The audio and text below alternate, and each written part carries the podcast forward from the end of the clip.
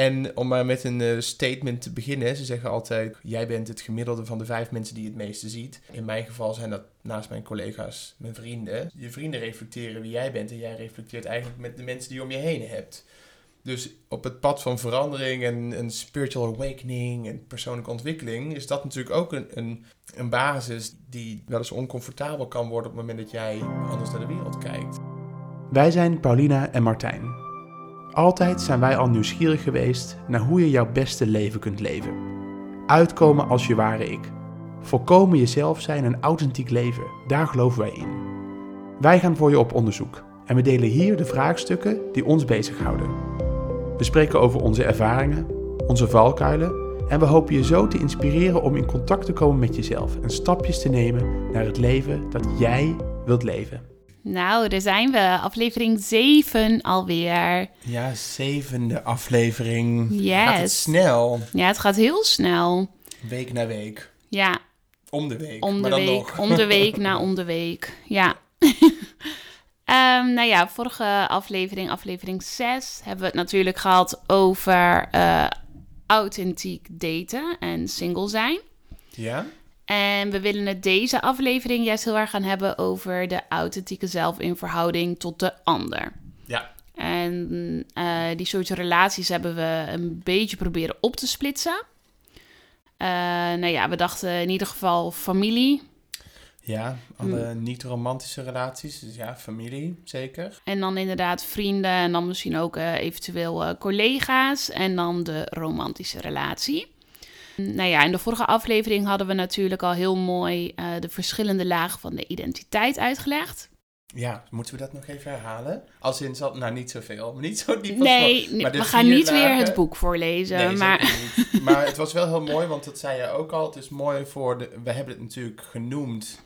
Daten en authentiek single zijn. Maar sowieso is het mooi voor mensen die ook in een relatie zitten. om eens te kijken naar hoe jouw identiteit is opgebouwd. en hoe jij je dus verhoudt naar je partner binnen je relatie. Mhm. En daarvoor of weer de referentie naar het boek Verslaafd aan Liefde van Jan Geurts. Met daarin de vier lagen van de identiteit. Eén negatieve geloven. Je moet het natuurlijk terugluisteren als je meer wil weten. Ja. Aflevering 6 over die dus heet authentiek daten en single zijn. Maar laag 1 het negatieve geloof. Laag 2 de patronen of de regels en de condities ja. eh, die je daaraan verbindt. Laag 3 zijn de patronen van denken, gedrag en gevoel. En uiteindelijk laag 4 het imago. Dus hoe wil je dat de rest van de wereld jou ziet? Daar, de inzichten van die lagen kunnen je heel veel informatie geven over hoe jij je verhoudt tot je partner. Of als je single bent, tot jezelf of tot dates. Toch? ja, dat is hem eigenlijk. Maar ja, we hadden natuurlijk eh, al een hele outline geschreven over alle andere relaties die we wilden bespreken. Maar Ja. daar kwamen we niet aan toe, want er is veel te veel om te bespreken, as usual. Ja, Dus laten we dat vandaag doen. Eh, laten we wat inzoomen op de, ja, hoe zeg je dat, de kern van waar al dit ontstaat. En ook de verandering. En waar wij ook eh, over spreken is wat als je perspectief op de wereld verandert. Hoe verhoud je je dan nog tot de mensen om je heen? ja, precies. Want, ehm, nou ja, we hebben het eh, de vorige aflevering ook over een stukje verdieping inderdaad gehad. Hoe je dat aangaat met jezelf. Hoe je dichter bij een beetje die ware ik komt. En, nou ja, dan heb je dus eigenlijk een beetje dat stuk van... Je hebt dit met jezelf, eh, je hebt het met jezelf gedaan. Je hebt je schaduwkanten aangekeken. Je bent lekker in je eigen energie geweest. Misschien zijn er dingen in jezelf verschoven. En dan ga je weer de wijde wereld in. En er Dan- zijn allemaal andere weer, imago's, allemaal andere zielen. En ja, hoe verhoud je je dan tot de ander? Wat is er verschoven in jou en wat verschuift dat eigenlijk in de relatie met de mensen om je heen? Ja, dat is een goede vraag. Ja, Waar zullen we beginnen? Want uiteindelijk, ja, heb jij zo'n, heb jij überhaupt even hoog over meegemaakt dat relaties veranderd zijn door jouw veranderend perspectief als ja, authentiek jezelf zijn? natuurlijk. ja, absoluut. Ja, ja, ik ook. Ik denk dat er genoeg voorbeelden zijn voor ons die we, waar we over kunnen sparren. eh, weer even over kunnen filosoferen hoe dat dan allemaal werkt. Mhm. En dat we daar gewoon wat eh, op kunnen induiken. Ja, Dit keer niet zozeer met een mooi boek of een model naast ons, maar gewoon vanuit onze eigen ervaringen. Ja, wat we natuurlijk precies. het beste doen. Ja, Hey, laten we. ik ben altijd heel erg benieuwd, eh, of ik vind het altijd heel erg fijn om te starten vanuit een soort van basis. Hè? Altijd als ik dingen uitleg of als we ja, ergens over eh, nadenken, dan vind ik het mooi om helemaal naar de kern te gaan, omdat dat soort wel weerspiegelt van hoe de rest daaruit voortgevloeid is. Zeg ik dat goed? Voortgevloeid? Ja ja, het is voortgevloeid. Nou ja, maakt Ja. uit waaruit de rest dus voortvloeit. Ja. Eh, dus ik denk dat we dan best. eh, in mijn, ik zou dan denken dat we het best kunnen beginnen bij familie. Daar wel alles begint, maar nu ook, ja, dat is, ik vind dat nog wel eens lastig. ja, dat snap ik wel. Want familie zijn natuurlijk eh degene die je vaak het langst kennen. Ja. Die kennen jou van geboorte tot, tot heden. Dus die hebben echt een soort van jouw hele groei en ontwikkeling eh, van een, een afstandje of soms van heel erg dichtbij. Ook een beetje afhankelijk van welke fase hebben ze dat meegemaakt. Ja. En dat zijn ook vaak de mensen waar je ook de, de grootste patronen mee hebt. Ja, ja, ze zeggen toch als je denkt dat je verlicht bent, ga Ja. maar een weekendje bij je ouders. Dat, zei ja, dat, tegen zegt? Eckhart Tolle, Oh, dat zegt ja. Eckhart die Tolle, zegt, ja. eh, denk je dat je verlicht bent? Ga maar weer een weekendje bij je ouders slapen. Ja, precies. ja, Dan, dan kom je er vanzelf wel weer achter. ja, Eh, ik weet nog wel goed dat ik, ehm, eh, als we een beetje teruggaan naar mijn soort van spiritual awakening, nou ja, in ieder geval waar mijn spirituele, maar ook persoonlijke groeireis begon, ehm, dat er al best wel, daar begon denk ik de verschuiving van hoe je naar de familie keek en eh, buiten het feit dat ik eh, op mannen val, dat was sowieso al wat anders, dat is sowieso al een ding, maar daar, Ja. daar een andere aflevering over.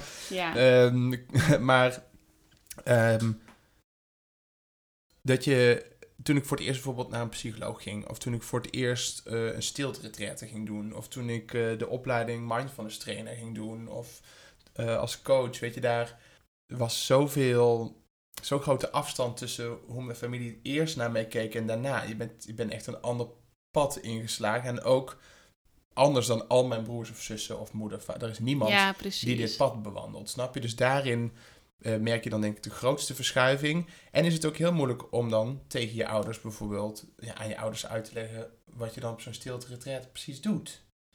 Of als je terugkomt Ja. met een heel groot inzicht van, nou ja, ik weet, ik weet nog wel dat ik... Dus een van die retreats heel, eh, dat was best wel, was heel erg mooi, dat ik daar meemaakte, ja, een soort ervaring ha- had die eh, mij helemaal terugbracht naar hoe ik iets wat ik voelde toen ik heel jong was. Weet je wel? Dat ik dat uiteindelijk weer teruggaf aan mijn ouders of aan mijn moeder in dit geval. Ja, die dan ook een beetje denkt van, ja, wat moet ik hiermee? Ja, dan kom dat- jij in één keer aan na zoveel jaar. Ja, kom jij in één keer aan en wat moet ik hiermee? En Ja. eh, ik snap het wel. Of ja, maar nou, mooi dat je dat hebt meegemaakt, maar eigenlijk niet zo goed weet wat je er dan mee moet. Dus je gaat dan, denk ik, een soort helingproces aan. En dat moet je dan eigenlijk zelf doen. Mhm. Maar je denkt, je zou dat nog graag met je ouders willen doen. Of je wil dat uitleggen. Of Ja, die wil dingen misschien nog uitspreken. En ja, zij zijn daar misschien niet of wel klaar voor. Het is best wel lastig. Hoe, hoe zie jij dat? Hoe, hoe is dat bij jou?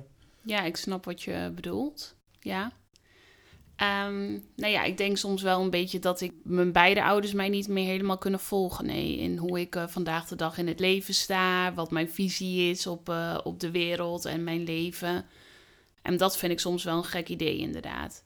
Nou Ja. heb ik sowieso met mijn moeder altijd. Mijn moeder is iemand die toch wel heel erg last heeft van, eh, van depressie, onder andere. En dat vind ik sowieso heel erg lastig om daarmee. Nou ja, ik wilde zeggen levelen, maar dat doe je dus sowieso niet. Ja, die heeft zo'n andere kijk op de wereld. En ook als je dan gesprekken met elkaar hebt, dan. Ja, ik, ik merk dat ik soms een beetje mezelf betrap op dat ik het misschien dan ik geloof zelf heel erg in het sterk zijn en de kwaliteit van je mindset. En dat dat ook heel erg een stuk ownership is, wat je over je eigen leven neemt.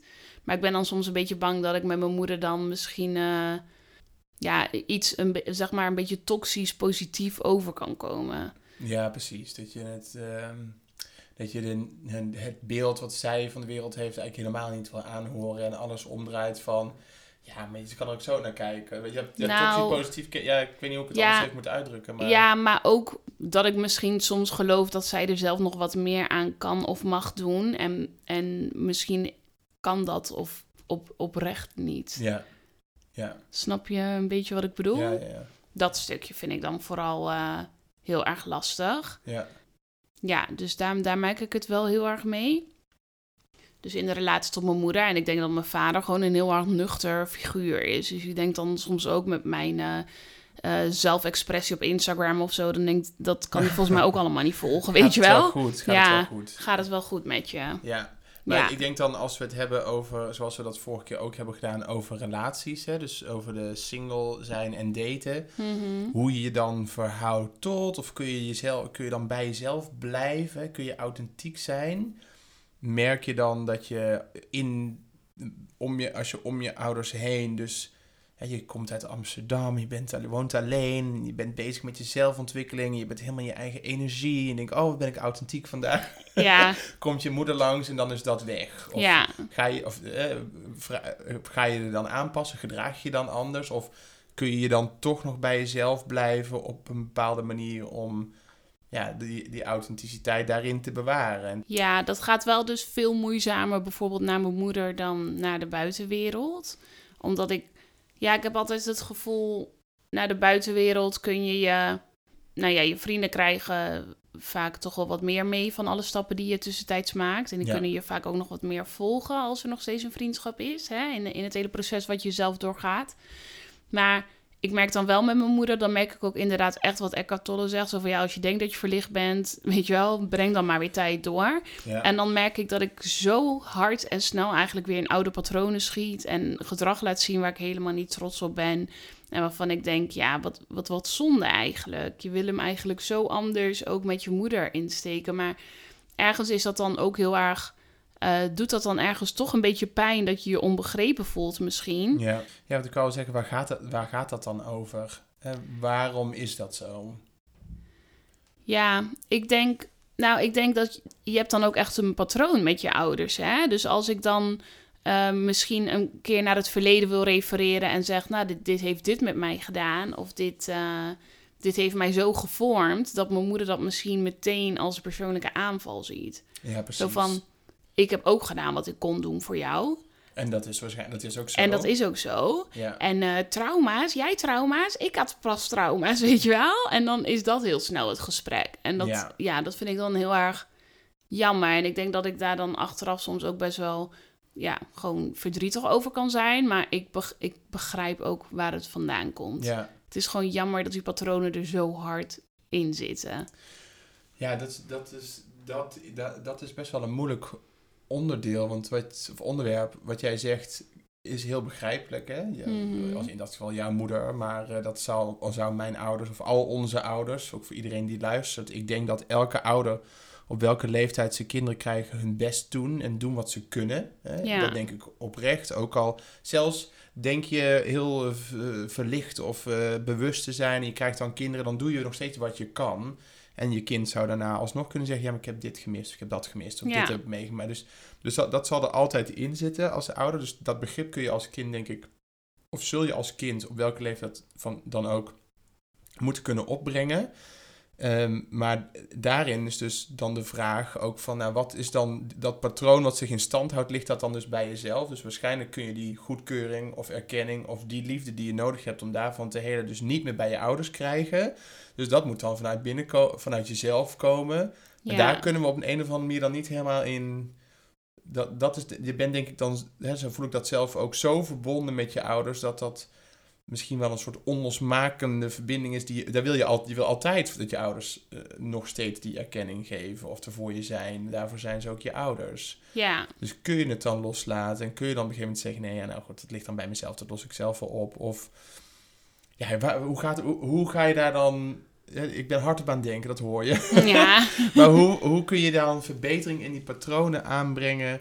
Of hoe kun je in verbinding blijven met je ouders zonder dat dit steeds een onderwerp hoeft te zijn? Want moet het nog steeds een onderwerp zijn? Nee, dat, dat hoeft niet.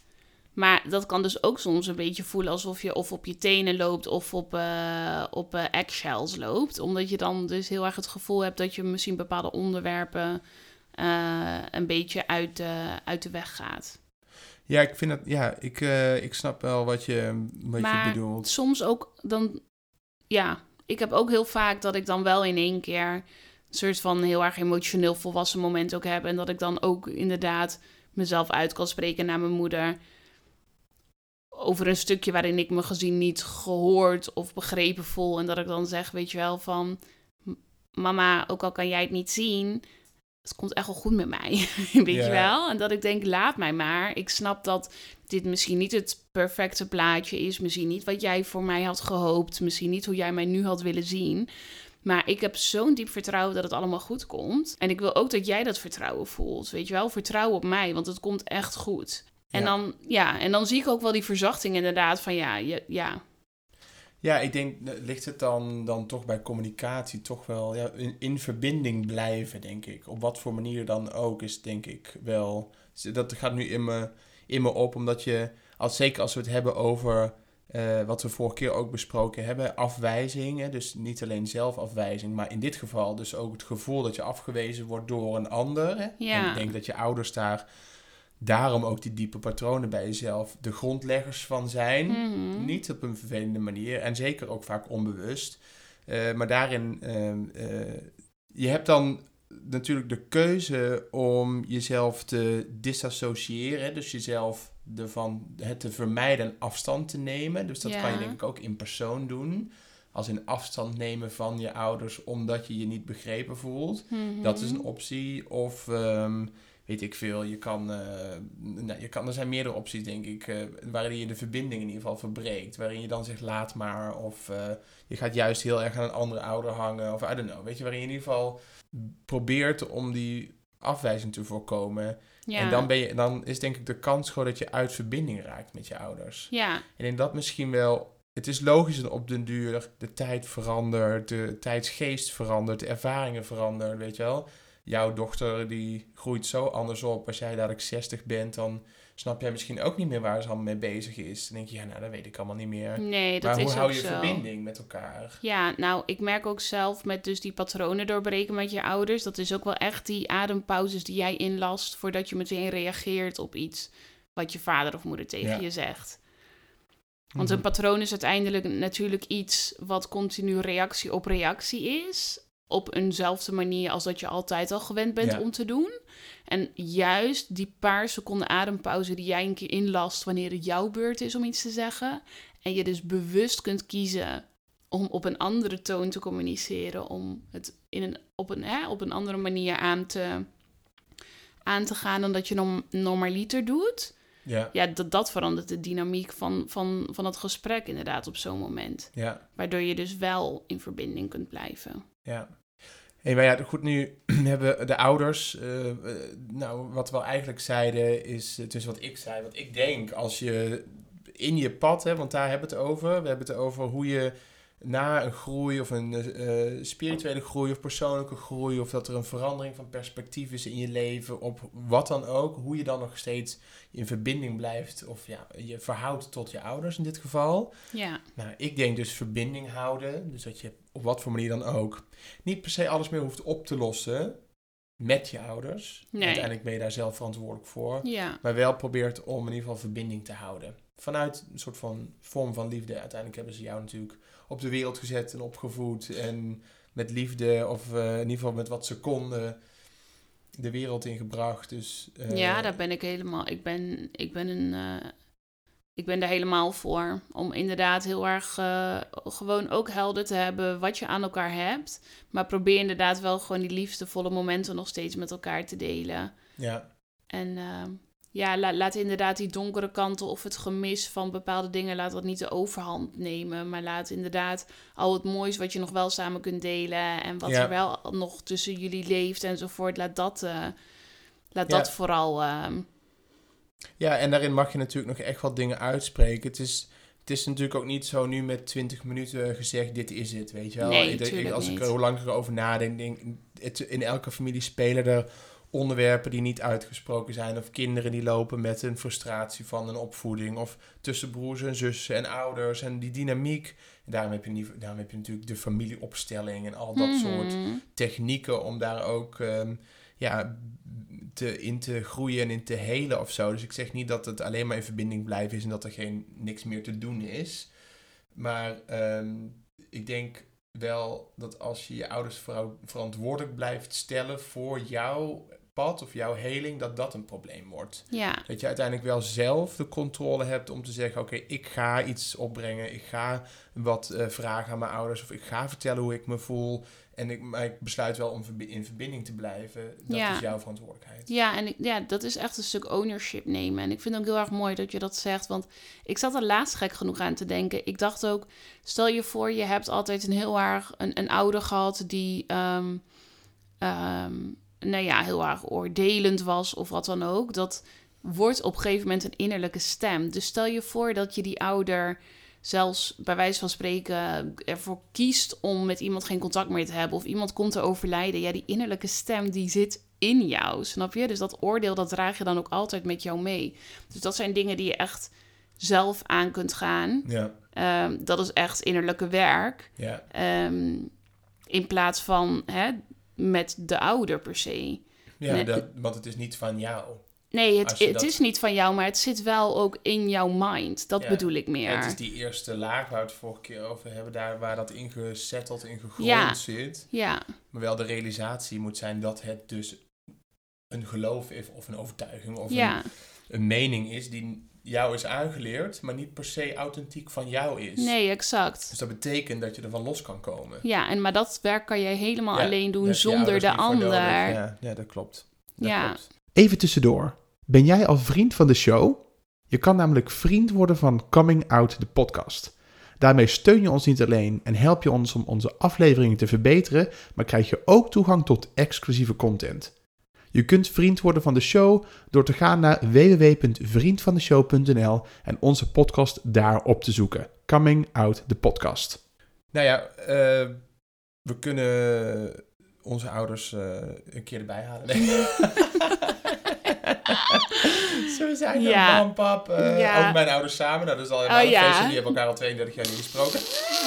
Ja, nee, dat wordt helemaal Dat gezellig. wordt helemaal gezellig. Ja, Oké, eh, laten we van de, het stukje ouders en familie afsluiten. Natuurlijk is er nog eigenlijk heel veel meer over te zeggen. Maar ik denk wel dit, dat we een klein beetje zo in dit verhaal de essentie raken. Als we het houden, hebben over authentiek blijven, verbinding houden met je ouders. Terwijl jij misschien wel verandert. Mhm. Maar ja, dan heb je natuurlijk ook, wat ik ook wel heel lastig onderwerp vind, is daar de vrienden. Vriendenkring. ja, En om maar met een eh, statement te beginnen, ze zeggen altijd, eh, of ik hoor vaak, jij bent het gemiddelde van de vijf mensen die je het meeste ziet. ja. Nou, in mijn geval zijn dat naast mijn collega's mijn vrienden. Mhm. Maar mijn collega's die zijn hartstikke lief, maar die, daar verbind ik me verder niet mee als op een vriendschappelijke basis. Nee, Dus dan worden dat je vrienden. Dus je vrienden reflecteren wie jij bent en jij reflecteert eigenlijk met de mensen die je om je heen hebt. Dus op het pad van verandering en een spiritual awakening en persoonlijke ontwikkeling is dat natuurlijk ook een, een, een basis die, eh, ja, die, die verandert of wankel wordt op het moment dat er, of wankel wil ik niet zeggen, maar eh, wel eens oncomfortabel kan worden op het moment dat jij anders naar de wereld kijkt. ja. En hoe ga je daarmee om? Wat doen we daarmee? Wat doen we ermee? Ja, vrienden. Je hebt natuurlijk eh, vrienden die komen en gaan. Je hebt vrienden die voor een langere tijd in je leven, in je leven zijn. Dus, ehm, nou ja, ik vind het ook heel erg mooi. Vrienden die komen en gaan. Sommige vrienden, daar match je op een bepaald moment in je leven heel erg mee. En dan, eh, en dan eh, gaat ieder zijn eigen pad. Heel vaak is dat ook, bijvoorbeeld in ons geval, zal het ook waarschijnlijk, waarschijnlijk zijn omdat je dan verhuist. Hè? Je gaat in een andere stad wonen of ik ben ook wel eens in een ander land gaan wonen. Ja. Dan, eh, dan gebeurt er natuurlijk, dan zijn het echt een soort van momenten die je met vrienden deelt. En toch heb ik altijd het gevoel met vrienden dat dat heel erg organisch gaat. Ja, Er zijn gewoon vrienden die blijven plakken ja, door dik en dun. En er zijn vrienden die je ja, toch steeds minder gaat zien op een gegeven moment.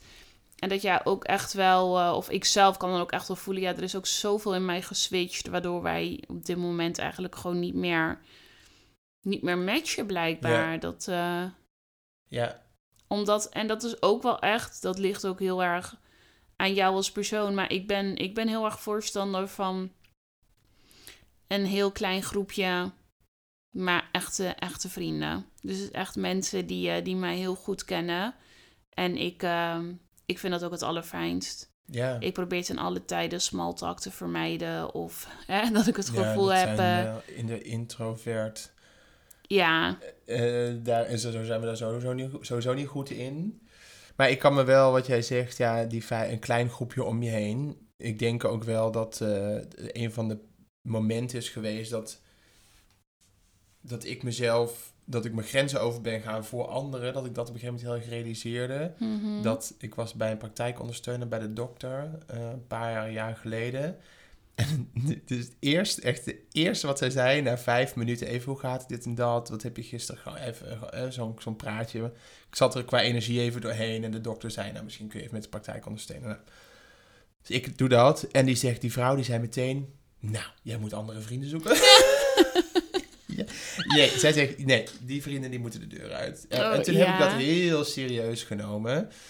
En als in niet van gelijk iedereen de deur uit. Maar ik heb echt een lijstje gemaakt van mensen waarvan ik dacht... Ja, ja jullie, jullie zitten in mijn pluskant, hè, pluskant energie. En jullie zitten in mijn, echt in mijn minkant. Daar, dat kost me heel veel energie. ja, En daar heb ik toen echt... eh, En dat vond ik dus... Dat vond ik daar zo lastig in als we het hierover hebben. Want ik heb me daarna heel erg gerealiseerd dat die hechtingen... Dus wat verwacht je van vrienden en hoe gehecht ben je aan wat vrienden aan jou geven...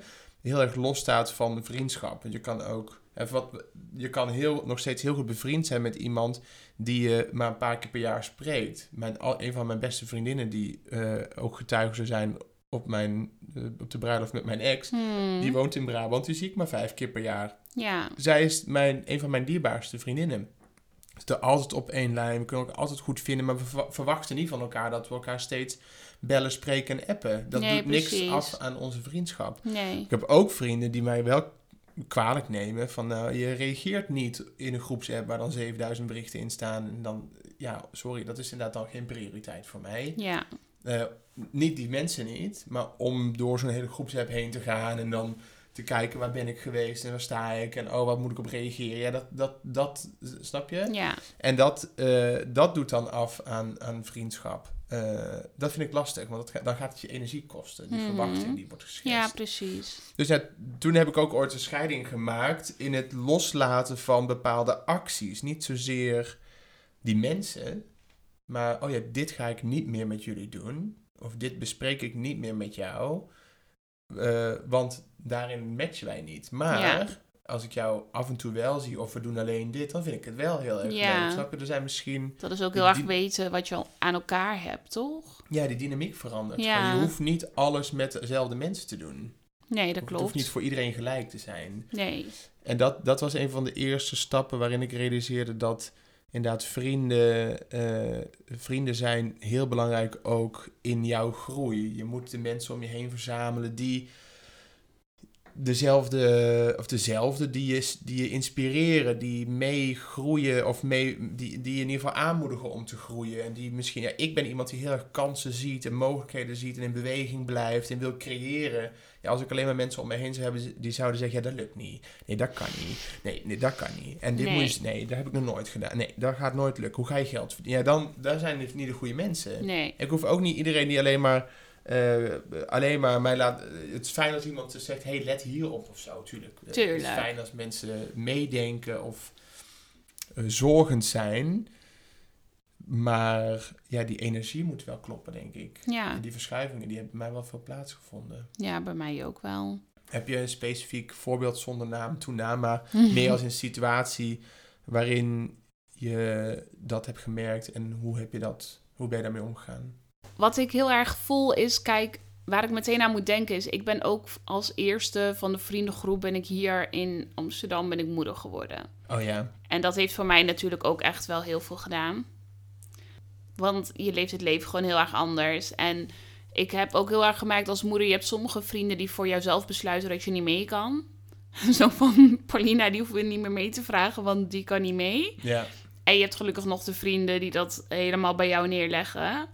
En dat jij helemaal zelf kunt regelen Of waar je je kind onderbrengt om wel mee te gaan.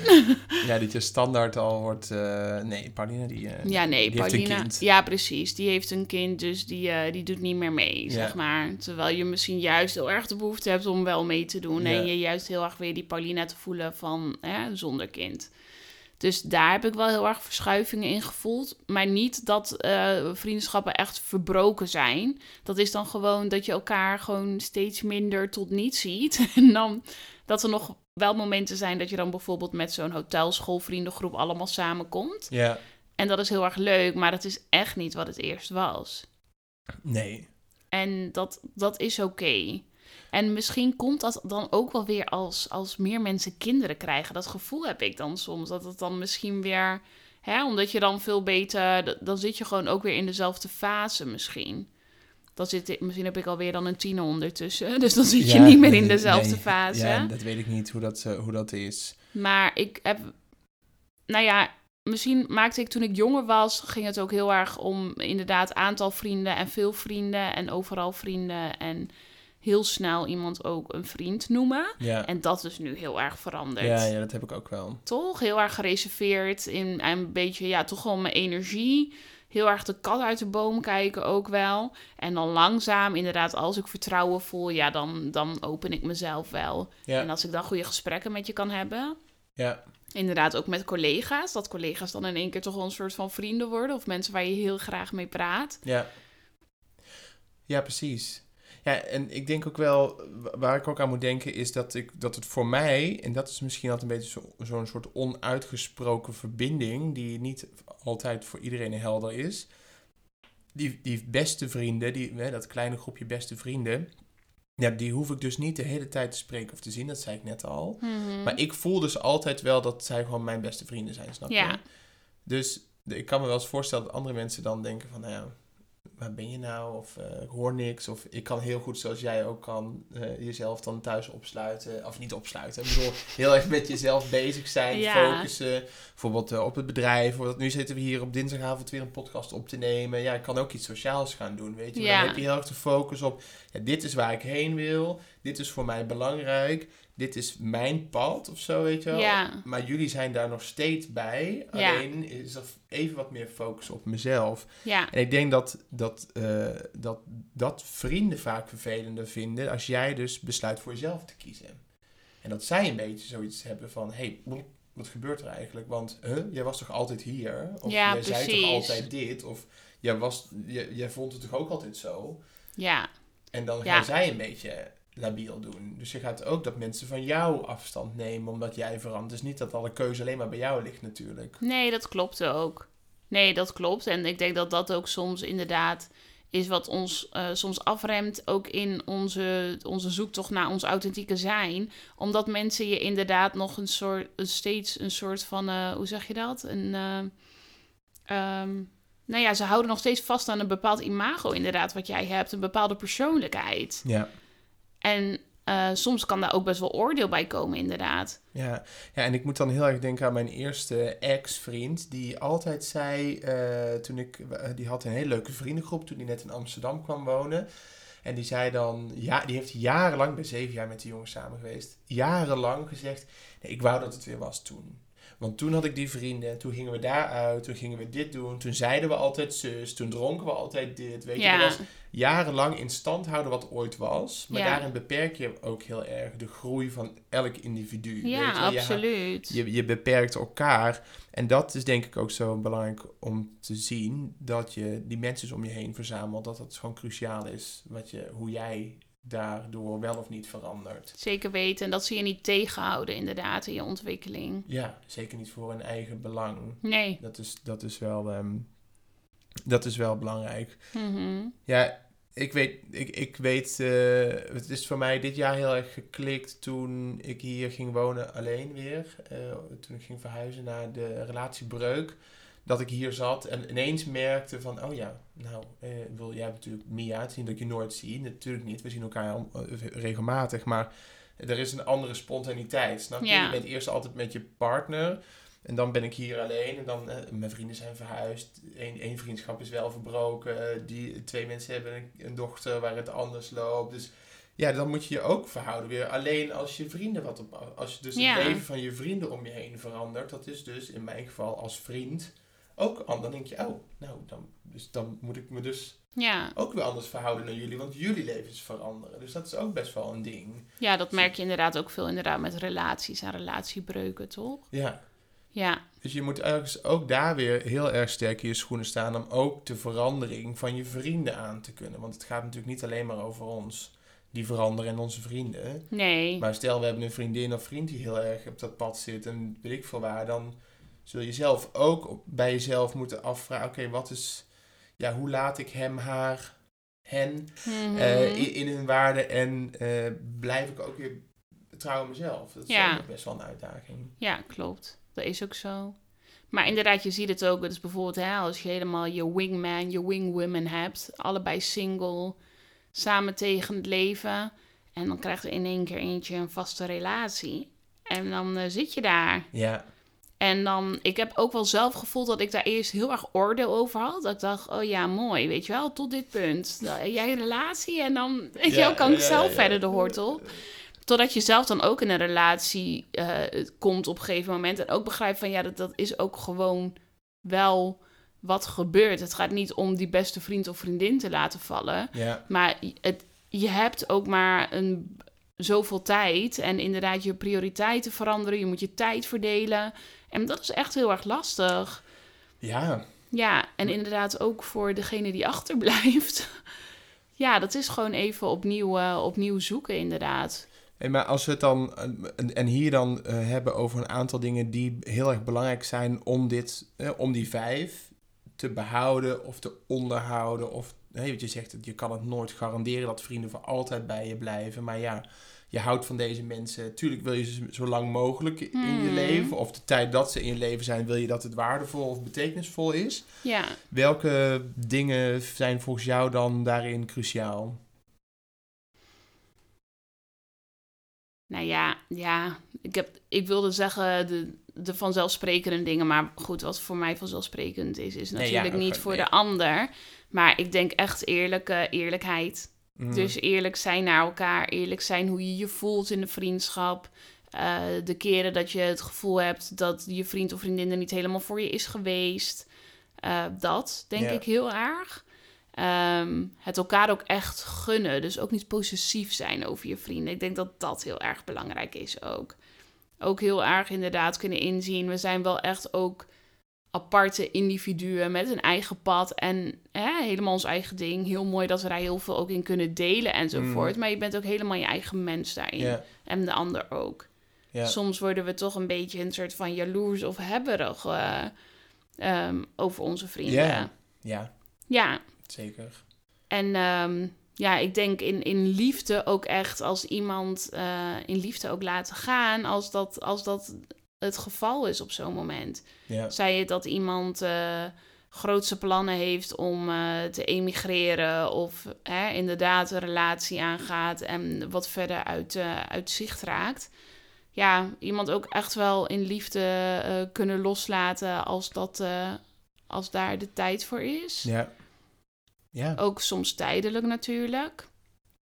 Ja, ik vond wat je zegt, eerlijk zijn en open. Ik denk dat dat wel, dat dat in vriendschappen nog best wel moeilijk is. Ja, Omdat er zo'n, er staat veel op het spel ook of zo. veel op het spel. Je wil het leuk houden. Je wilt het leuk houden, ja, dat vooral. En je bent zo gewend aan bepaalde rollen in vriendschap. Ja, hè? Dus dit is mijn stapvriendin, dit is mijn eh, spirituele vriendin, Hmm. dit is mijn eh, werkvriendin, weet je. En je, je verhoudt je tot elk, dat kan, anders. hè. Ja. Maar je, het zou mooi zijn als je je open, ongeacht dus jezelf kunt zijn, authentiek jezelf kunt zijn bij elke type vriend of vriendin. Ja, En dat daarin dat je zegt, dat anders dan hou je ook die groei tegen. En dan gaat iemand op een gegeven moment, dan, dan ga je verwijdering ervaren. Mhm. Omdat je gewoon niet meer aansluit op die onderwerpen. Dus eerlijkheid weer, communicatie, Ja. transparantie. En ja, ik, ik mag het niet te vaak zeggen, maar authenticiteit ja, dat is het wel. is wel mijn waarde ook. Hè. Ik zeg dat heel vaak, dat het... eh, als ik iemand nieuw tegenkom, wees eerlijk, ben jezelf. Dat vind ik het allerbelangrijkste. En Ja. niet juist, ik ga daarop aan. En dat ben ik. Ik verbind daar juist op. Ik waardeer eerlijke en, en Ja. authentieke mensen. Ik vind dat het mooiste wat er is. Dus dat is in vriendschappen ook. Ik hou van de mensen die het meest... Dan maar of je nou een enorme knorrelpot bent of je bent altijd grappenmaker als het maar echt is. Want Ja. dan weet ik ook wat ik aan je heb. En dan kan ik dat andersom ook doen. En dan kan ik me, voel ik me veilig om dat ook bij jou te, te openen en los te laten. Dus ik denk dat dat voor mij belangrijk is. En dus daarin moet je elkaar soms confronteren. Want Ja. die eerlijkheid gaat niet... Er gaat wel altijd liefde voor, maar soms moet daar wel... Is het nodig om eh, dus uit te spreken wat je als niet prettig ervaart. Hmm. En dat kan dus confrontatie voelen, denk ik. Ja, en als je echt van elkaar houdt, is het dus ook echt zorg eh, voor elkaar. Ja, En dat is dus ook heel vaak een stuk confrontatie, inderdaad. Als iemand echt, echt vastzit in destructief gedrag. ehm, ja, dat je dat. je. Ja, nee, of dat je dat dan, en dat je dat dan helemaal. ehm, dat je dat helemaal, ehm, hoe zeg je dat? Nou ja, voedt en eh, iemand daar helemaal in voorziet. Dat, Ja. nee, ik vind dat ook niet per se eh, nee. een daad van goede vriendschap. Ik vind het ook heel erg de verantwoordelijkheid voor ons als vrienden om iemand heel even weer Ja, hè, even neer te zetten en te zeggen: wat ben je aan het doen? Dit gaat niet goed. Ik maak me zorgen om je. ja. Dat vind ik ook wel echt een verantwoordelijkheid die we naar vrienden toe hebben. Ander- Anders zijn het je vrienden niet. Nee, dat is ook zo. Nee. Ik zit ondertussen ook weer naar de tijd te kijken. Zie je, wij, wij lullen altijd Ja. zoveel dat we, dat, dat we weer maar op de helft Ja, dat houdt niet op. komen van wat we eigenlijk nog meer willen bespreken. Maar het gaat, wat ik, laten we het even, eh, als we dit onderwerp, want we hebben het nu dus gehad over eh, vooral jezelf kunnen zijn of de verbinding verhouden of, ja, of, of eh, de verbinding houden of je verhouden tot andere relaties in, in je leven. Ja, Beginnende bij familie. Want daar ligt gewoon heel veel basis en fundering en de kern van hoe jij als persoon bent. Maar hoe verander je door het leven? eh, eh, Of je verandert door het leven. En hoe hou je dus verbinding met iemand? Daar hebben we het over gehad. Eh, en dat was dus inderdaad de conclusie. Verbinding houden. Ondanks het hele eh, eh, pad van heling en, en groei wat daar nog voor jezelf in zit. ja, Persoonlijk. ja. En we hebben dus ook gehad, eh, gehad, gehad over vrienden, hoe je daarmee in contact blijft of in verbinding blijft als jij dus ook je perspectief op de wereld verandert. En daar hebben we gezegd dat dus eerlijkheid, transparantie, authenticiteit, elkaar in een waarde laten, niet, eh, nee, wel, mag wel dingen verwachten, maar hoe noem je dat nou mooi, niet eh, het hechten. eh, En niet possessief zijn. ja, ehm, ja iemand bezitten, Ja. bezitterig ja, zijn dat over bezitterig mensen wordt. dat dat, ehm, eh, dat dat wel de key dingen zijn. En natuurlijk, daar, daar, we hebben het nu ook wel even over dat we op een punt zijn waarin je zelf al ook wel werk hebt gedaan. Hè? Dus Ja, eh, eh, je bent al op een punt waarin je misschien merkt dat je perspectief anders is geworden dan de vrienden om je heen. Die situatie ligt weer heel erg uit. mhm. Even om daar nog de nadruk op te leggen. Ja. Is daar nog iets wat ik, wat ik daaraan toe wil voegen? Nee, ik vind dat ook echt. Vertrouw er ook echt op dat de mensen die in je leven eh, moeten blijven, die, die, die er voor langere tijd zijn, die, die blijven. En mensen die ook uit je leven verdwijnen, hoe pijnlijk soms ook, en eh, op, eh, op een manier die je ja, liever niet had gezien, dat moest dan ook echt zo zijn. Maar stay true to yourself. Dat is echt het allerbelangrijkste. Dat is echt, echt het allerbelangrijkste. Afscheid nemen ze ook houden van. Hè? Ja, absoluut. Van jezelf ook vooral. Ja, van jezelf, maar ook, ook van de ander. Ja, ook. Ja, zeker. Maar als je iemand het beste jezelf. gunt. Maar ja, soms, dat ligt eraan. Als het, het kan een, een beslissing samen zijn. Of van de ander of van jou. Maar Mhm. als het wel van jou is, is het ook zelfliefde. Maar ook kan je iemand anders het beste gunnen. En soms Ja. haal je het beste niet in elkaar naar boven. Nee, Dan klopt. kun je elkaar beter laten gaan. Nou, zo, zo laten wij deze aflevering maar weer gaan. Dit is aflevering 7. ja, want wij gaan weer als een speer. We zitten weer over onze tijd heen. Dus ehm, dan gaan we afronden. Ja, Je kunt natuurlijk ons weer volgen via onze Instagram pagina. Dat is @comingout met A-U-T-H. Of ook op TikTok @comingout, ook met uit. Ja, de podcast. Allemaal aan elkaar. Eh, daar kun je ons volgen en daar delen wij regelmatig filmpjes, quotes en foto's over onze podcast. Zo niet, dan hoor je ons over twee weken weer. yes. Bedankt voor het luisteren. Dankjewel voor het luisteren. Doei.